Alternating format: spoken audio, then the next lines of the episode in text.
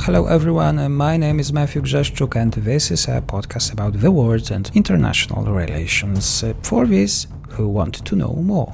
Dear listeners, uh, good morning to the second international episode uh, for you from the USA. Yoshiko Herrera, professor of political science, University of Wisconsin-Madison. Great honor and pleasure. Good afternoon, professor. Thank you. Professor, a lot of time has passed since February. What, in your opinion, is the actual goal of Vladimir Putin today, the purpose of his war? Well, I think that we can see from the behavior of Russia that the purpose is number one, to deny the sovereignty of Ukraine as a state, to not allow Ukraine to exist as an independent state.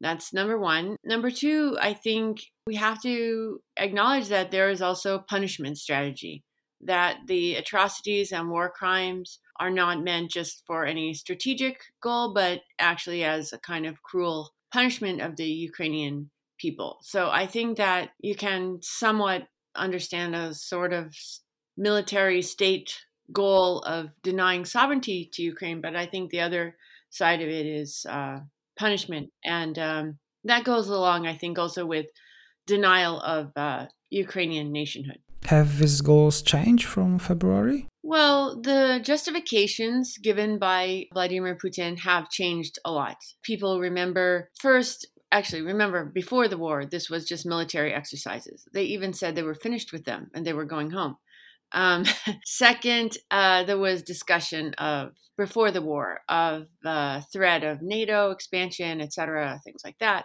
but then on february 21st uh, the first step was the recognition of people's republic of donetsk and luhansk and the claim was that there was genocide against russians okay, that seems to have been abandoned pretty quickly. The next thing was about stopping a NATO attack that was coming through Ukraine. Um, then there was the fascism and um, other just ludicrous claims about the Ukrainian government. Um, so there was a range of justifications given, but I think that in addition to the to the stated things from the Russian government, we can see from their actions that um, this denial of sovereignty and punishment, I think, of Ukrainian nation is is the goal.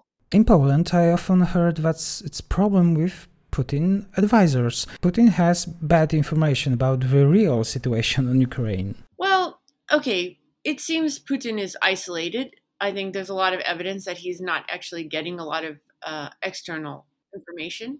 But I think that there's a lot of options to him. He, he, is no way constrained in that, in the sense of making these choices. Um, that is the choices for aggression. This was a, clearly a choice of Russian government and of Putin.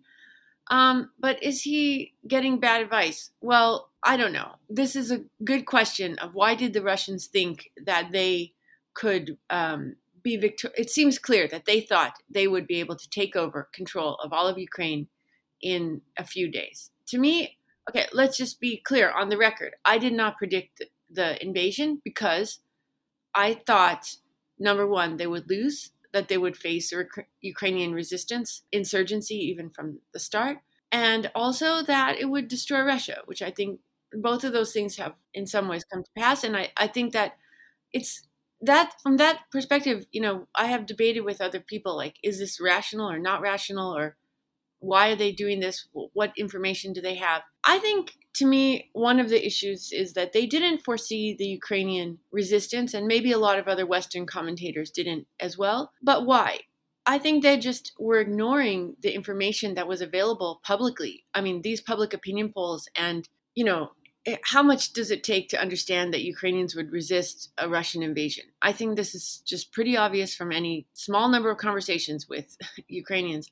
So, I don't I don't know if this is a matter of advisors or a matter of willfully ignoring the situation in Ukraine because they just didn't respect Ukraine enough to learn about what's the actual situation in Ukraine, especially since 2014. Professor, do we know anything about the reaction of the political elite in the Kremlin, the real reaction to what is happening uh, at the front? I'm also asking about the moods in Moscow. Well, okay, this is a matter of a lot of speculation. So I'll just say my opinion, but with the caveat that actually the Kremlin seems more closed off than in the past. That's, you know, what people who study kind of Kremlin politics claim that they have much less access than than they had in the past.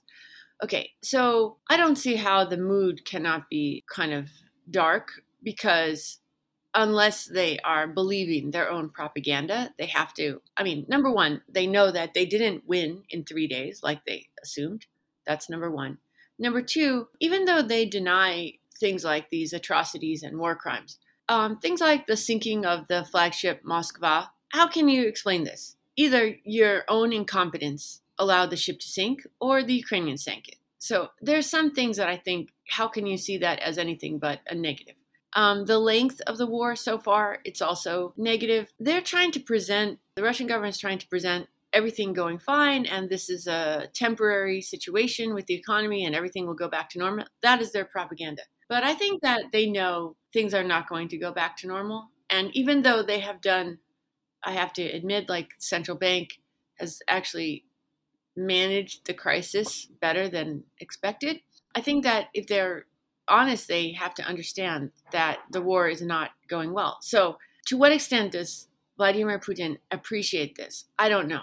I think maybe he is really separate from reality and isn't accepting the situation. But there is a lot of evidence that the war is not going well for Russia. Changing Putin to someone else, reality of media slogans? I, I think the Putin regime, I think it's important for people to understand, it has changed over time in certain ways. For example, there is more use of violence to maintain power, especially since 2012, than there was in the, the let's say, first 10 ish years of the Putin regime. But in some other ways, the regime remains similar in um, cruel punishment of enemies. That has happened from almost the start of his regime, and um, willingness to commit atrocities. You can see that in the Second Chechen War. So there's certain things that stay the same, but in other ways, the regime knows that they are facing a legitimacy crisis, that they lack, let's say, stable support among the population, and they know they have to increasingly use violence to maintain power. In the USA, there are slogans about the collapse of Russia? Um, not really. I mean, I think that I think it's reasonable to ask if Russia, or let's say when Russia loses the war, how will the Putin regime maintain power? For example, if Ukraine were to push Russia all the way out of Crimea, I think this is very hard to explain to the population in Russia the loss of Crimea after the regime made such a big deal of it um, following 2014. So I, I think it would cause further legitimacy questions for a Putin regime if they lose the war. So I think it's reasonable to, you know, wonder how they can survive. On the other hand, I don't think the concept of regime change, like in Syria that was sought, or Iraq, Afghanistan, I don't think people are taking this seriously as a as a goal for for the US or for NATO. In Poland, we probably like only talking about it. Uh, final case: uh, Joe Biden in the Middle East is change the geopolitical situation. Well, I think there's some really interesting things going on. Okay, number one, Turkey is really important in the war. Why? Because they're controlling the Black Sea. Okay.